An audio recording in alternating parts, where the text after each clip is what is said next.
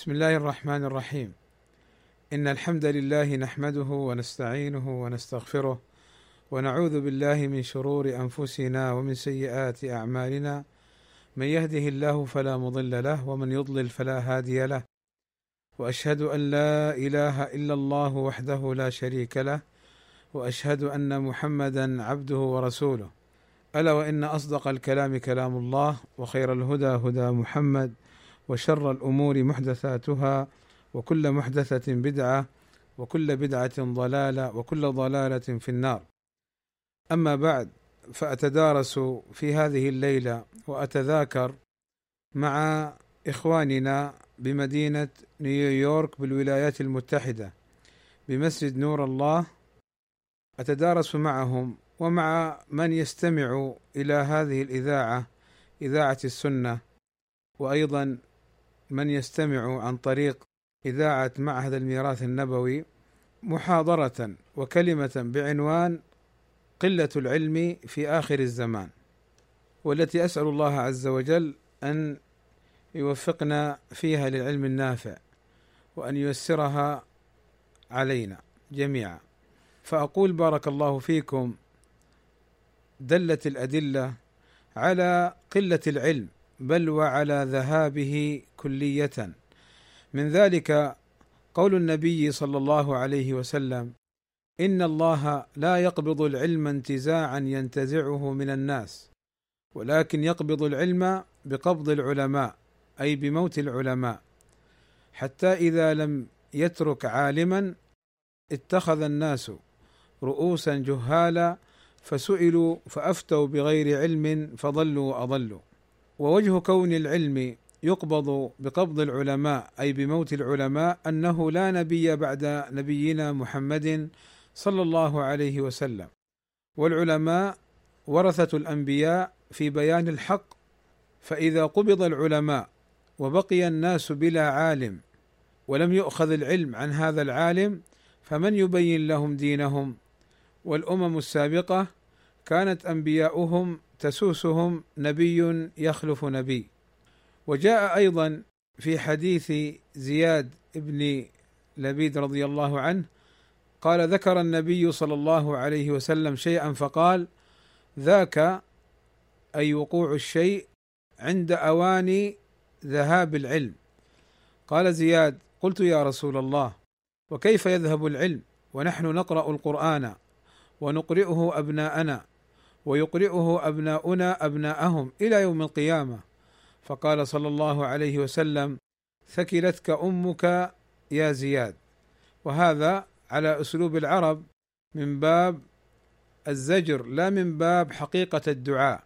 فهذا من الدعاء الذي يعني لا يراد به حقيقة الدعاء. إن كنت لأراك من أفقه رجل بالمدينة. أوليس هذه اليهود والنصارى يقرؤون التوراة والإنجيل؟ لا يعملون بشيء مما فيهما. فدل هذان الحديثان على أن العلم يذهب وأن العلم يقل. وجاء ذلك أيضا عن ابن عباس رضي الله عنهما حين قال هل تدرون ما ذهاب العلم؟ قال قلنا لا. قال ذهاب العلم ذهاب العلماء.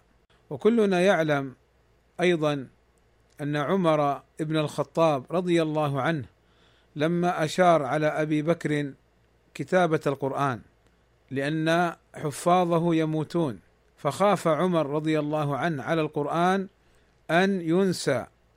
فأشار على أبي بكر بكتابة القرآن فكتبوه رضي الله عنهم جميعا كما في القصة المشهورة.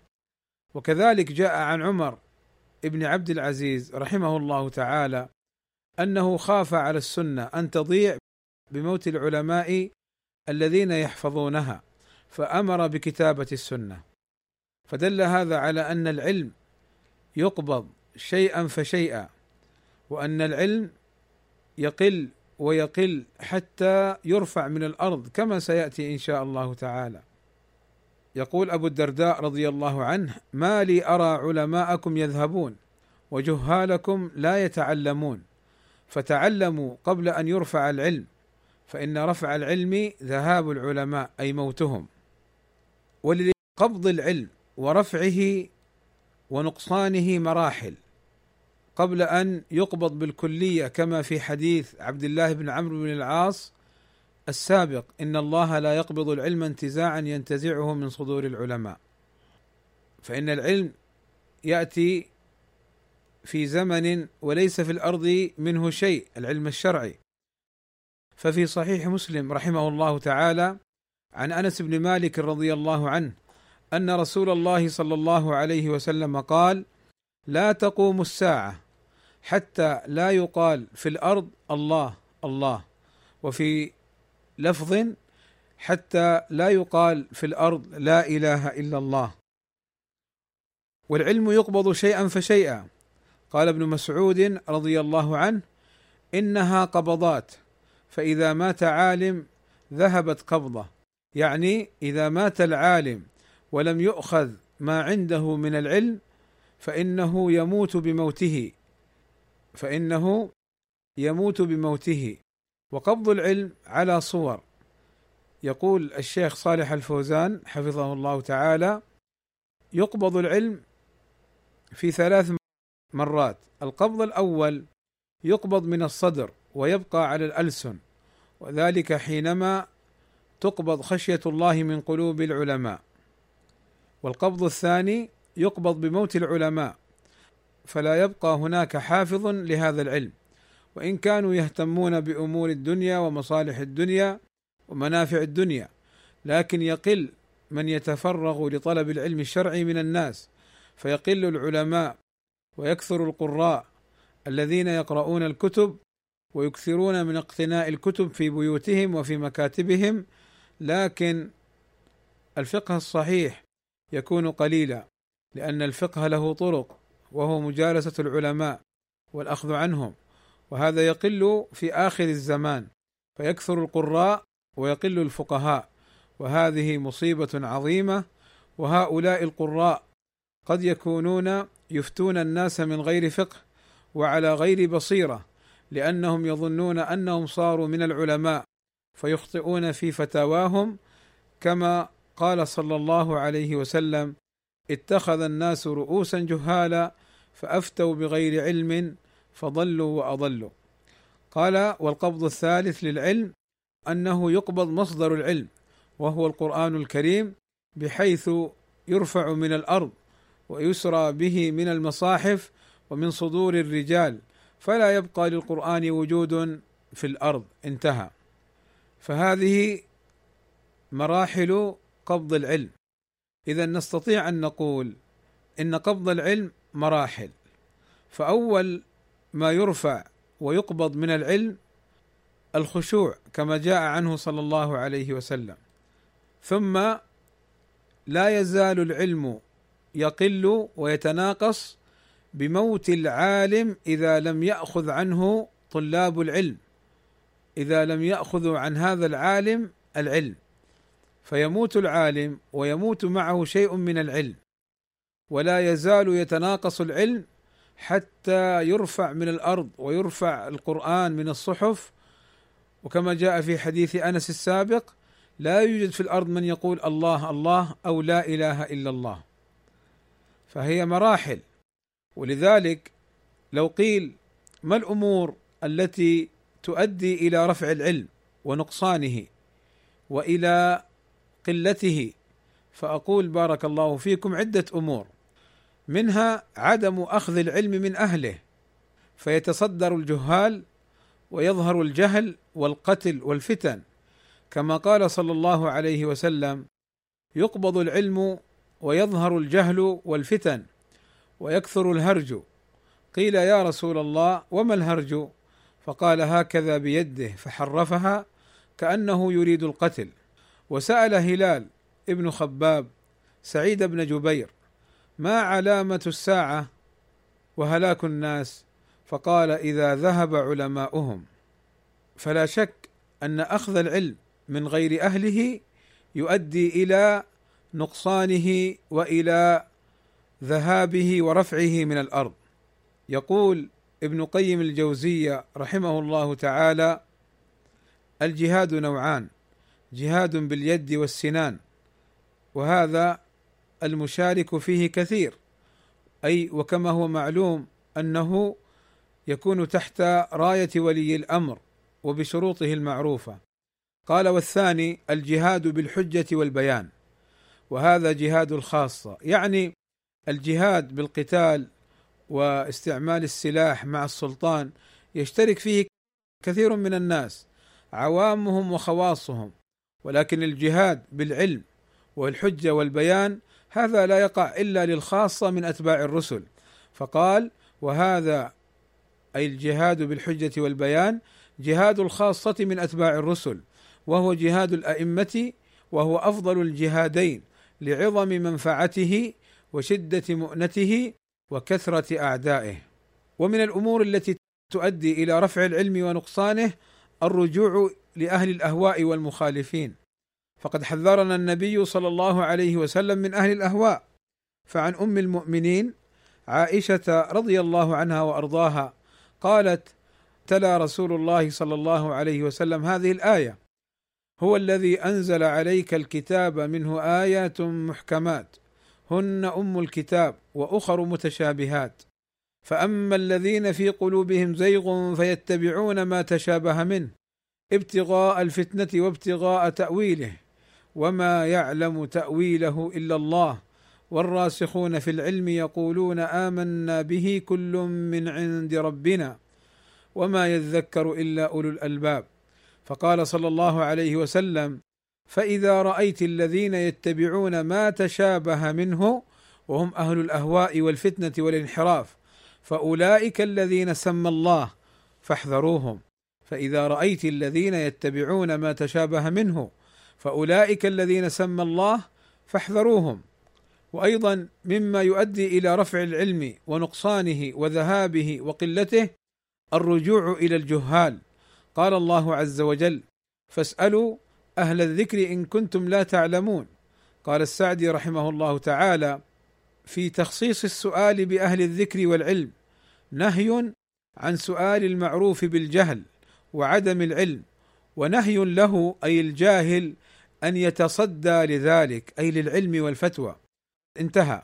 فالله عز وجل أمرنا بسؤال أهل الذكر وهم أهل العلم. متى إن كنتم لا تعلمون؟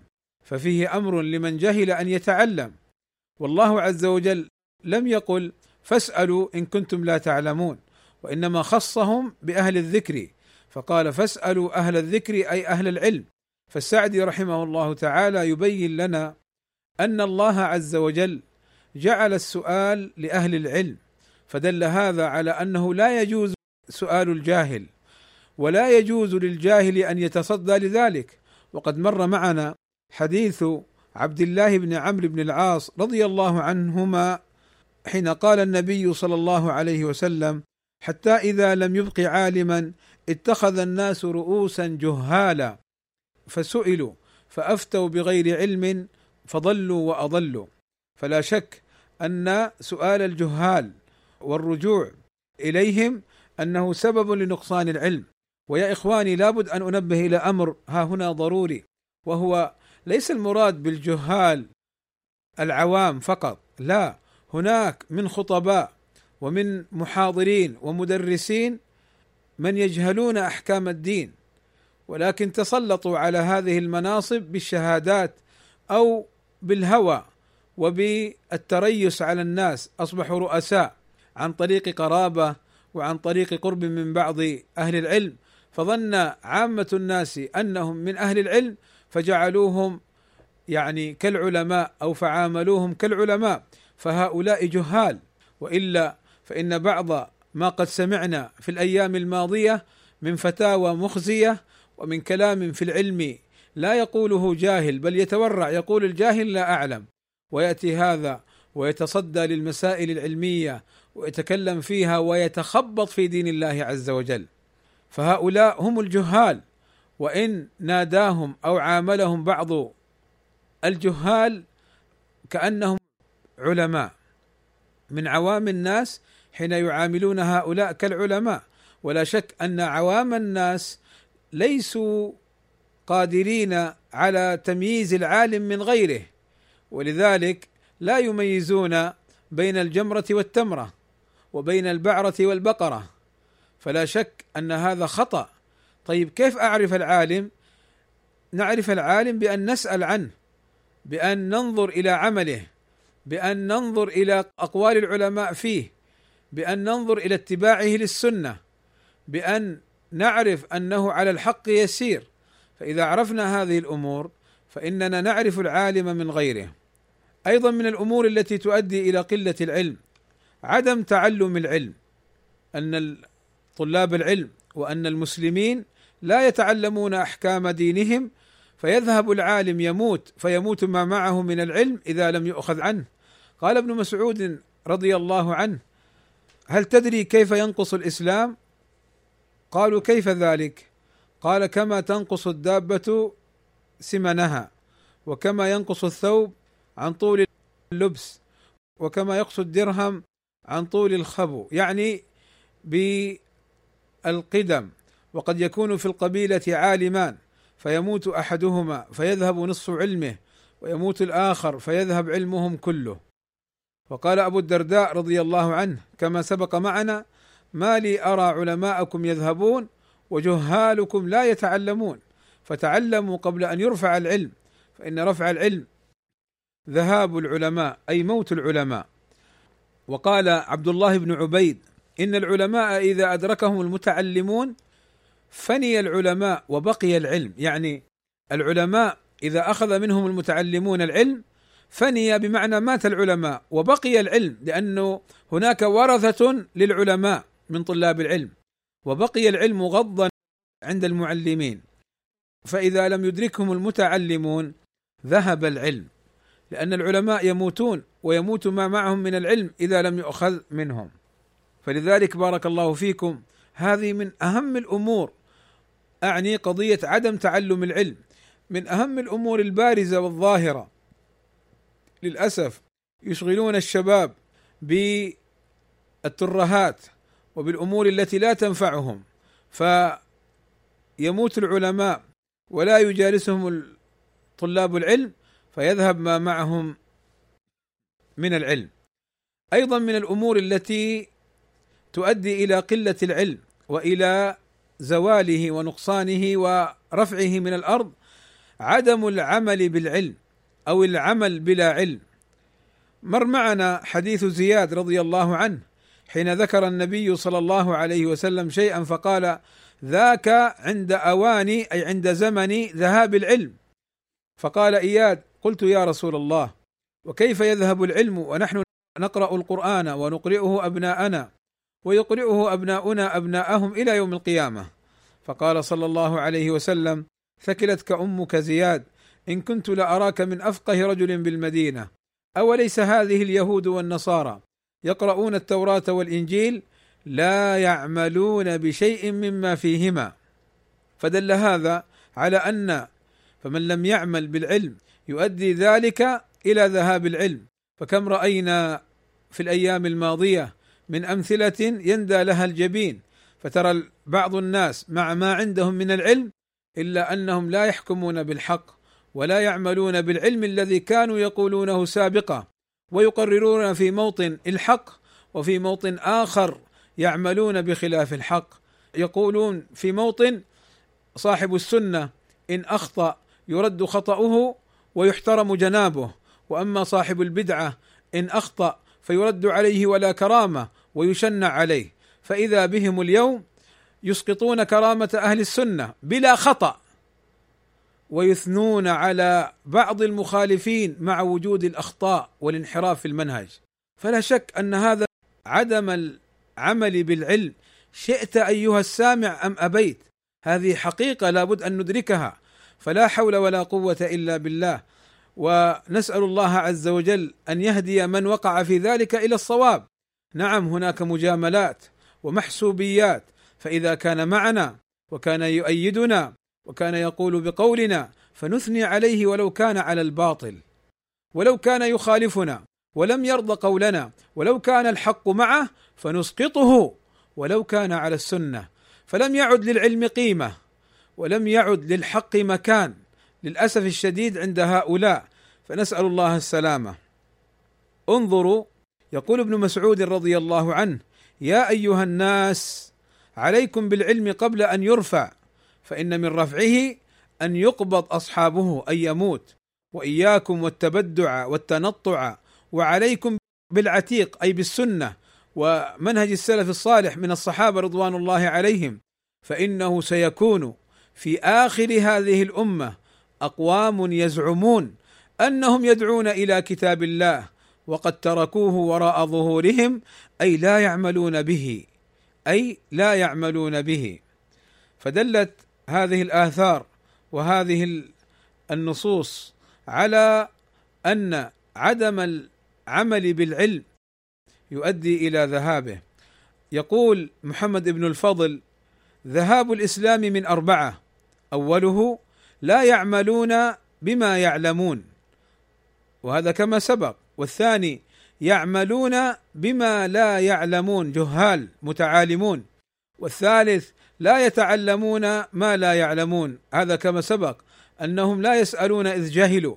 والرابع يمنعون الناس من التعلم يعني يشغلونهم عن العلم ويجعلون التعلم امرا إما أنه مفرق للناس أو أن تعلم العلم فيه يعني مشغلة فعليك بما نحن فيه من آه، تأييد لما هم فيه من يعني من باطل ونحو ذلك.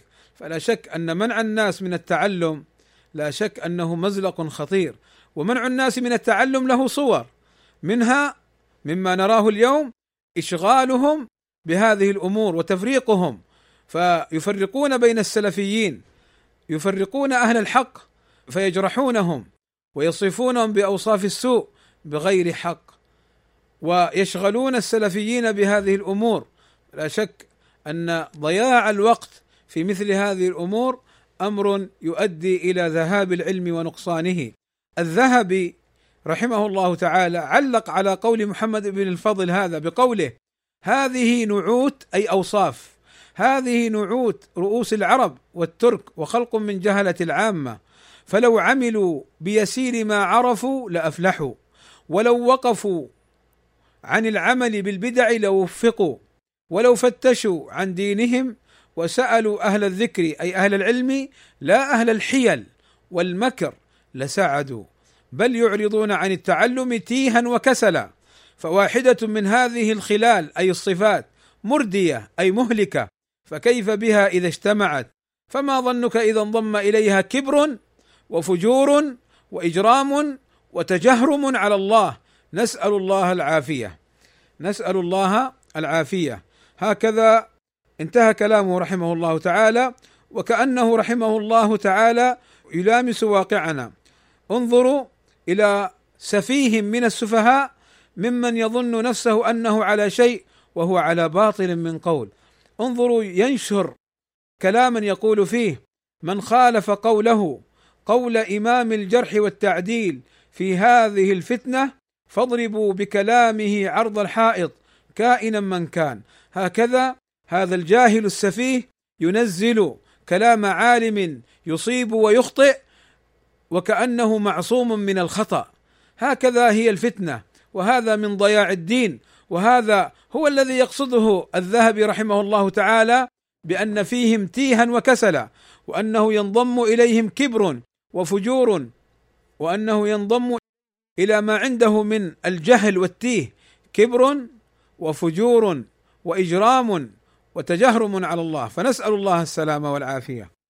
أيضا مما يؤدي إلى قلة العلم وذهابه ورفعه من الأرض عدم تعليم العالم للعلم وإهمال تعليم الناس.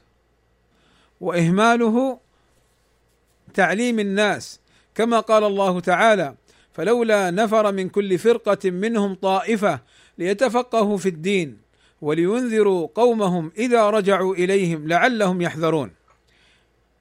يقول الشيخ السعدي رحمه الله تعالى عند تفسير هذه الآية في هذه الآية فضيلة العلم خصوصا الفقه في الدين وأنه أهم الأمور وأن من تعلم علما فعليه نشره وبثه في العباد ونصيحتهم فيه فإن انتشار العلم عن العالم من بركته وأجره الذي ينمى أي يزيد لأنه إذا عمل بهذا العلم العاملون يزيد أجره إذا كان بشرطه من الإخلاص والاتباع.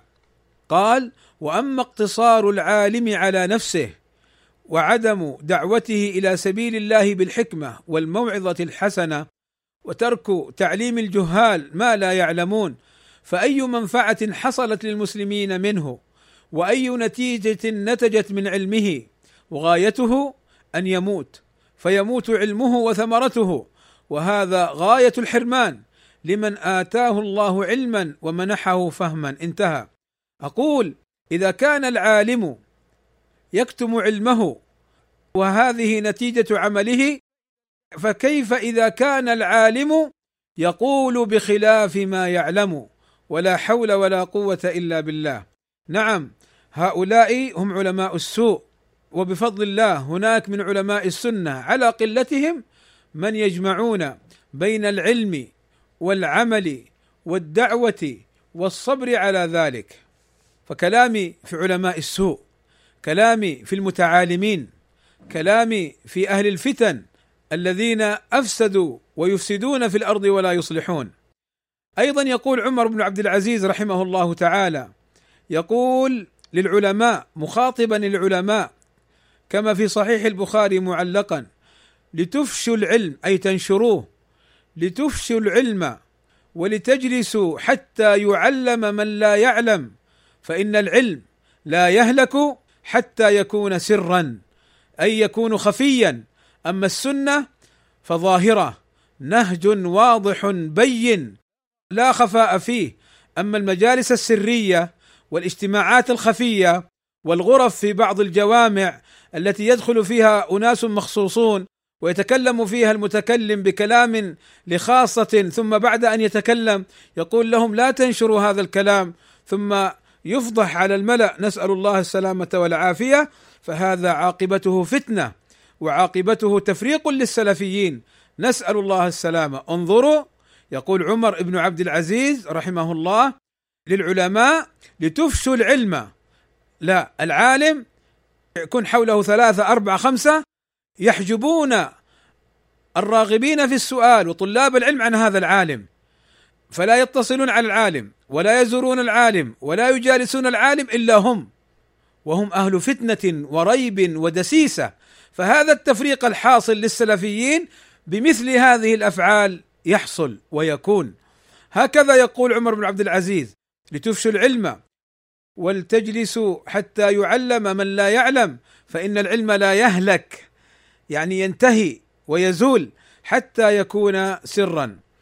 ولذلك كلمة الإمام أحمد المشهورة في مقدمة رده على الزنادقة الحمد لله الذي جعل في كل زمان ومكان فترة من الرسل بقايا من أهل العلم يدعون من ضل إلى الهدى ويصبرون منهم على الأذى يحيون بكتاب الله الموتى ويبصرون بنور الله أهل العمى.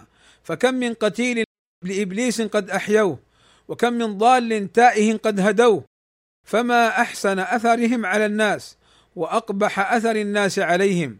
ينفون عن كتاب الله تحريف الغالين وانتحال المبطلين. وتأويل الجاهلين الذين أي هؤلاء المبطلين الذين عقدوا ألوية البدعة وأطلقوا عقال الفتنة فهم مختلفون في الكتاب مخالفون للكتاب مجمعون على مفارقة الكتاب يقولون على الله وفي الله وفي كتاب الله بغير علم يتكلمون بالمتشابه من الكلام ويخدعون جهال الناس بما يشبهون عليهم فنعوذ بالله من فتن المضلين. انتهى. أيضا من الأمور المؤدية إلى قلة العلم وزواله ونقصانه التحذير من أهل الحق. نعم رأينا هذا.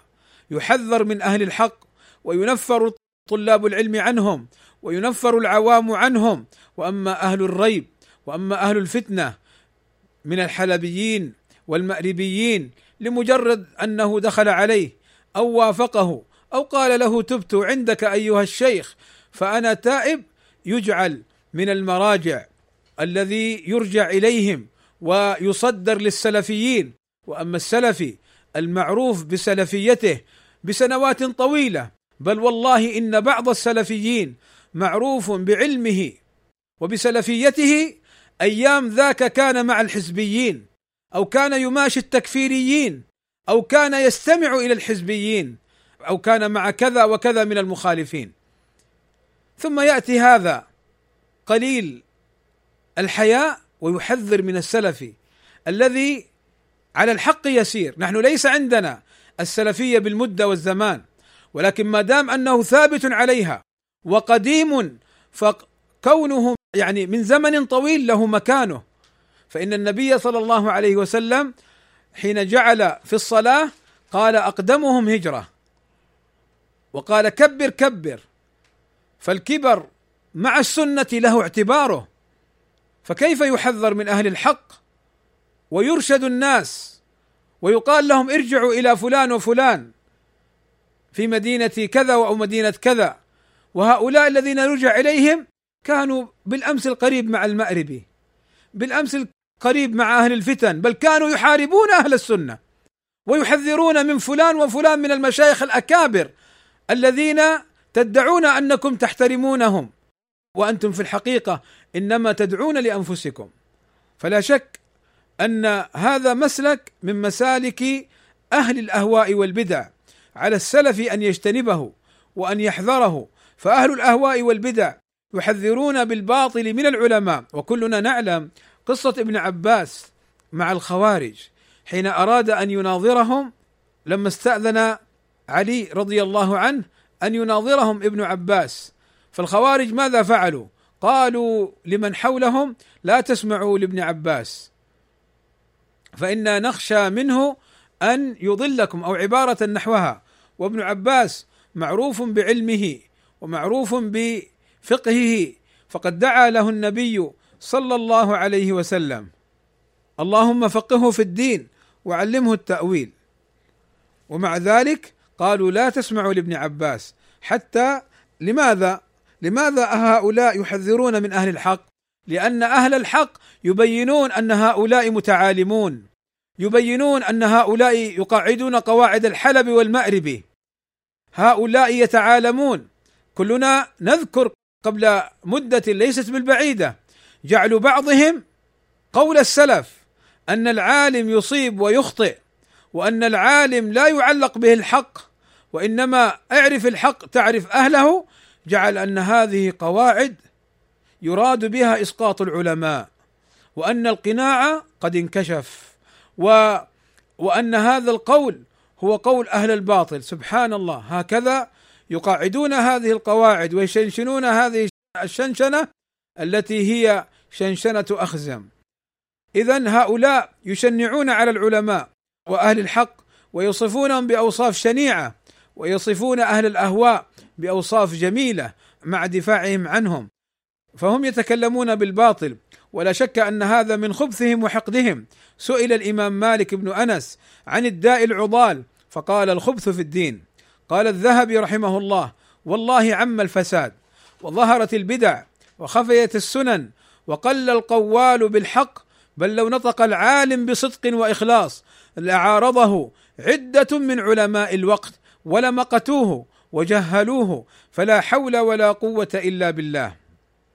وقال المعلم رحمه الله تعالى تدبرت أنواع الفساد فوجدت عامتها نشأت من إماتة السنن أو إقامة البدعة ووجدت أكثر المسلمين يبدو منهم ان يظهر منهم الحرص على اتباع السنن واجتناب البدع ولكن التبس عليهم الأمر فزعموا في كثير من السنن أنها بدعة وفي كثير من البدع أنه سنة.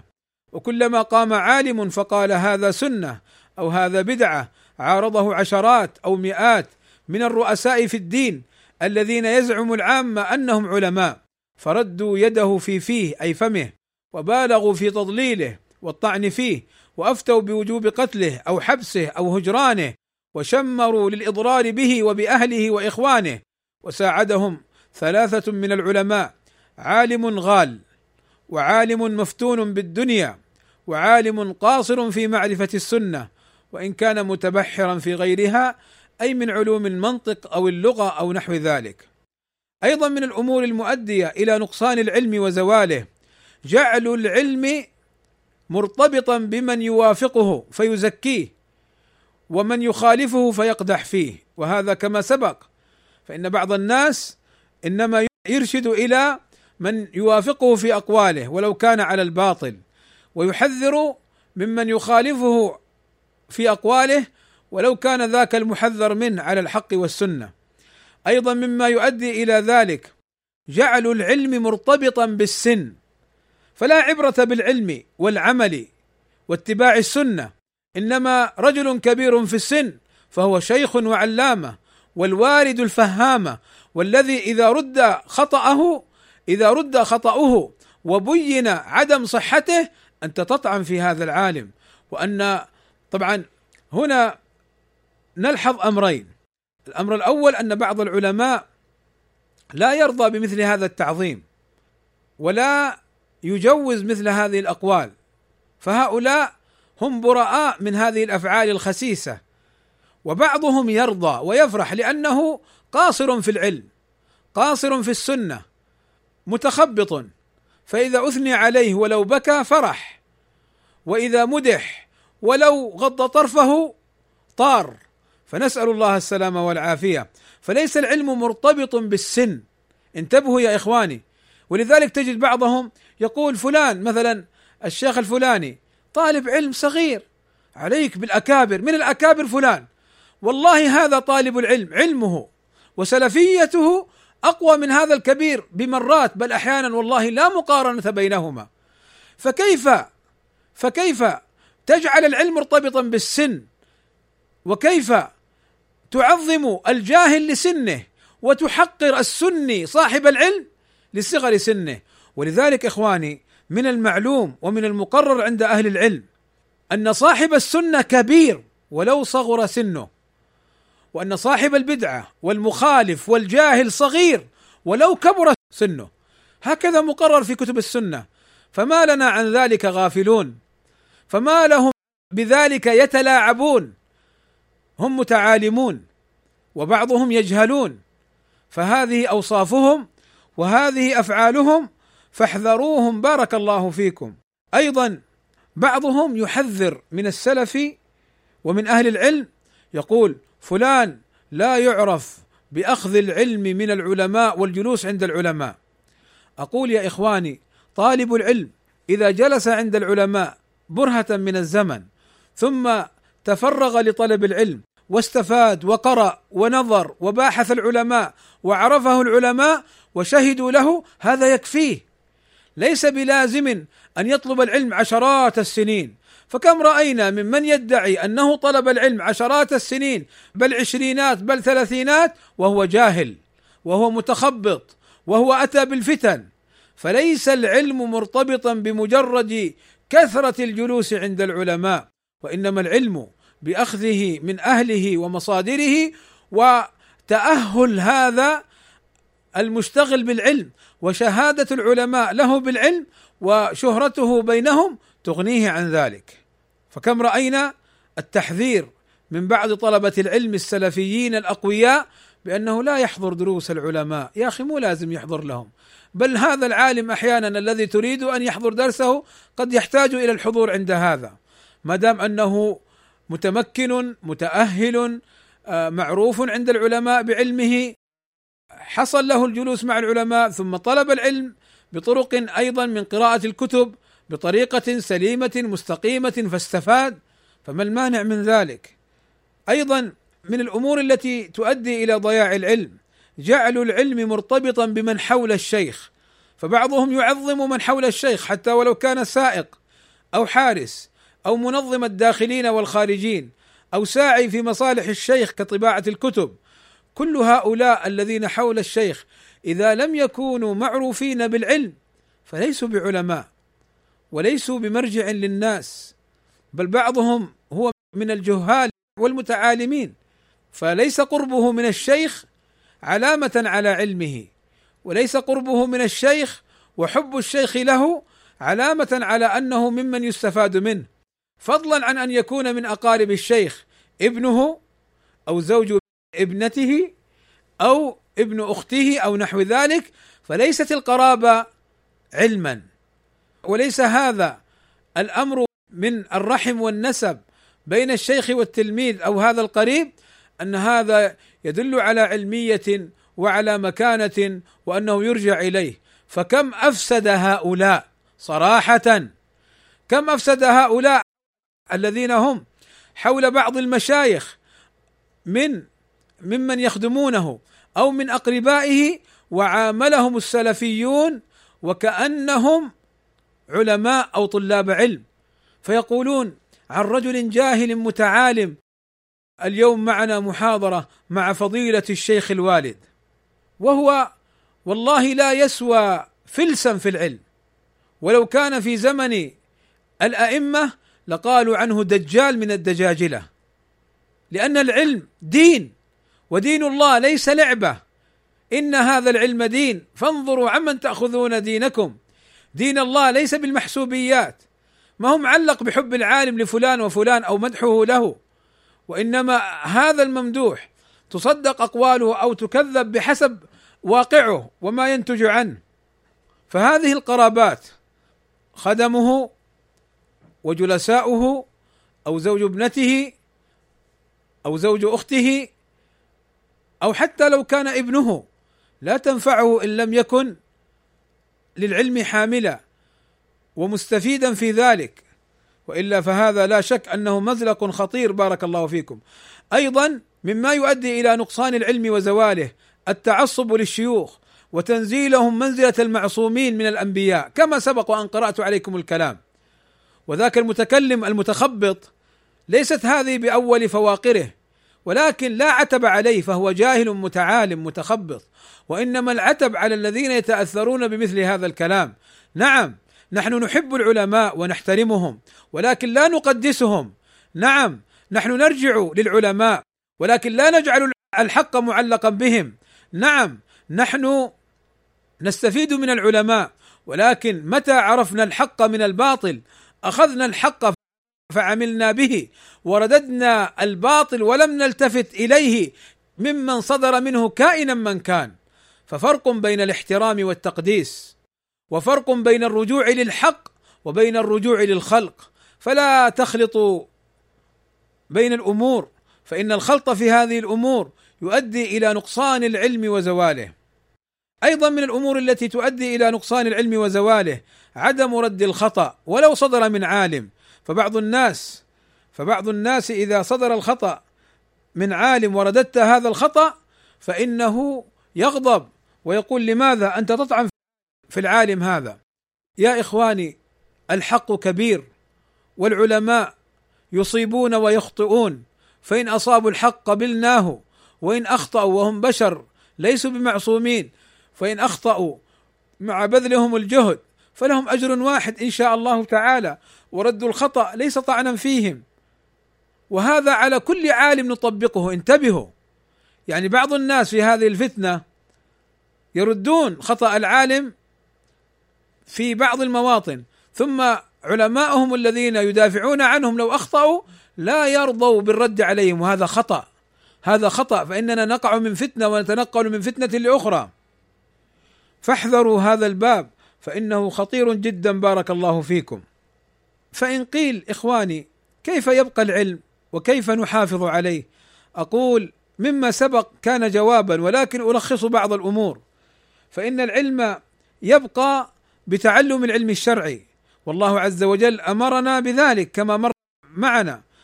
في قوله تعالى فلولا نفر من كل فرقة منهم طائفة. يقول السعدي في تفسير هذه الآية أي ليتعلموا العلم الشرعي؟ وليعلموا معانيه ويفقهوا أسراره وليعلموا غيرهم ولينذروا قومهم إذا رجعوا إليهم. انتهى. أيضا بسؤال العلماء إذا جهلنا الحكم الشرعي كما قال الله عز وجل فاسألوا أهل الذكر إن كنتم لا تعلمون يقول السعدي رحمه الله تعالى هذه الآية عامة في كل مسألة من مسائل الدين أصوله وفروعه. إذا لم يكن عند الإنسان علم منها أن يسأل من يعلمها ففيه الأمر بالتعلم والسؤال لأهل العلم ولم يؤمر بسؤالهم إلا لأنه يجب عليهم أي أهل العلم التعليم والإجابة عما علموه. انتهى. قال ابن مسعود رضي الله عنه إن أحدكم لن يزال بخير ما اتقى الله وإذا شك في نفسه شيء سأل رجلا عالما فشفاه وأوشك أن لا تجدوه أي أن لا تجدوا العالم. وقال ابن عبد البر يلزم كل مؤمن ومؤمنة إذا جهل شيئا من دينه أن يسأل عنه انتهى. أيضا مما يعين على بقاء العلم العمل به. العمل بالعلم كما مر معنا. ومما يعين على بقاء العلم الدعوة إليه ونشره. ومما يعين على بقاء العلم الصبر على نشر العلم. وهذا كما قال شيخ الإسلام محمد بن عبد الوهاب رحمه الله تعالى اعلم أنه يجب علينا تعلم أربع مسائل العلم والعمل به والدعوة إليه والصبر على ذلك. إخواني من هو العالم؟ العالم هو العالم بالكتاب والسنة على منهج السلف الصالح. هو العالم بالكتاب والسنة على منهج السلف الصالح والعامل بذلك على تقوى ونور من الله عز وجل. وليس شرطا في العالم كثرة العلم ولكن المهم حصول العلم على سنة ونور من الله عز وجل. والمهم القدرة على بحث المسائل على طريقة صحيحة. فإن بعض الناس يظن أن العالم هو من كثر علمه ومن كثرت محفوظاته. وكثرت كتبه. فهذا ليس هو الممدوح مطلقا في النصوص الشرعية وإنما الممدوح مطلقا في النصوص الشرعية هو العالم بالكتاب والسنة على منهج السلف الصالح والعامل بذلك مع تقوى لله عز وجل. ولذلك الإمام أحمد رحمه الله تعالى أثنى على بعض الناس من أهل السنة مع قلة علمه وحذر من بعض الناس ممن علمه كثير ولكنه خالف الحق وأتى ببدعة فحذر منه مع كثرة علمه فتركه الناس. فبارك الله فيكم.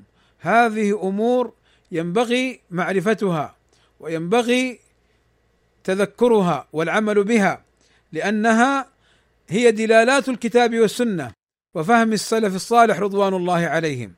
فكم رأينا من الأخطاء الكثيرة الشنيعة التي يقع فيها بعض الناس حتى وقع في ذم أصحاب النبي صلى الله عليه وسلم كمسلمة الفتح حينما وصفهم بأن في قلبهم شيء من الشرك وأنهم لو ماتوا على ذلك لماتوا كفارا خالدين مخلدين في النار ولم يتراجع عن مثل هذه الأقوال. وكم سمعنا من أقوال باطلة متعلقة بمسائل التوحيد والشرك وهي مبثوثة بالصوتيات ومكتوبة في الكتب والورقيات وموجودة في المواقع والإنترنت والسمعيات دون نكير ودون رد لها وبيان أنها خطأ. فهذا لا شك أنه أمر باطل عاطل يخالف منهج السلف الصالح رضوان الله عليهم ويؤدي إلى ضياع الدين وضياع العلم فإن العلم دين ورفعه من الأرض. فلذلك إخواني بارك الله فيكم أرجو أن أكون قد بينت شيئا من حق هذا الموضوع وإلا هذا موضوع كبير جدا وخطير جدا ولكن حاولت أن ألمم بعض الفوائد وبعض الأمور المهمة المتعلقة به وإلا كيف حال الناس الذين يسمعون من بعض المتصدرين؟ بل والموصوف بأنه من الأكابر يوصف بأن قلوب الصحابة فيها رواسب من الشرك أو أن الإيمان لم يثبت في قلوبهم. كيف يكون حال العوام الذين يسمعون كلاما باطلا مع عذرنا لهذا المتكلم إما بأنه لم يقف على الحق وإما أنه قصر عن هذا العلم. فيأتي ويقرر مثل هذه المسائل الباطلة المتعلقة بالتوحيد والشرك. بل وفتاوى في الفقه يندى لها الجبين. نسأل الله السلامة والعافية. فالحذر الحذر إخواني بارك الله فيكم من هذه الأمور والحرص على التعلم والتعليم والعمل ونشر السنة. بارك الله فيكم. فإن العلم إذا لم يؤخذ من العلماء قل وقل وقل إلى أن يرفع من الأرض حتى لا يبقى عالم فيتخذ الناس رؤوسا جهالا فيفتون بغير علم فيضلون ويضلون. والله أسأل أن يجعل هذا الكلام وهذا اللقاء في موازين حسناتنا جميعا وأن يجعلنا ممن يستمع القول فيتبع أحسنه وأن يجعلنا على السنة ماضين وعلى نهج السلف سائرين وأن يجنبنا البدع والفتن ما ظهر منها وما بطن. وصلى الله وسلم على نبينا محمد وعلى آله وصحبه أجمعين. والحمد لله رب العالمين.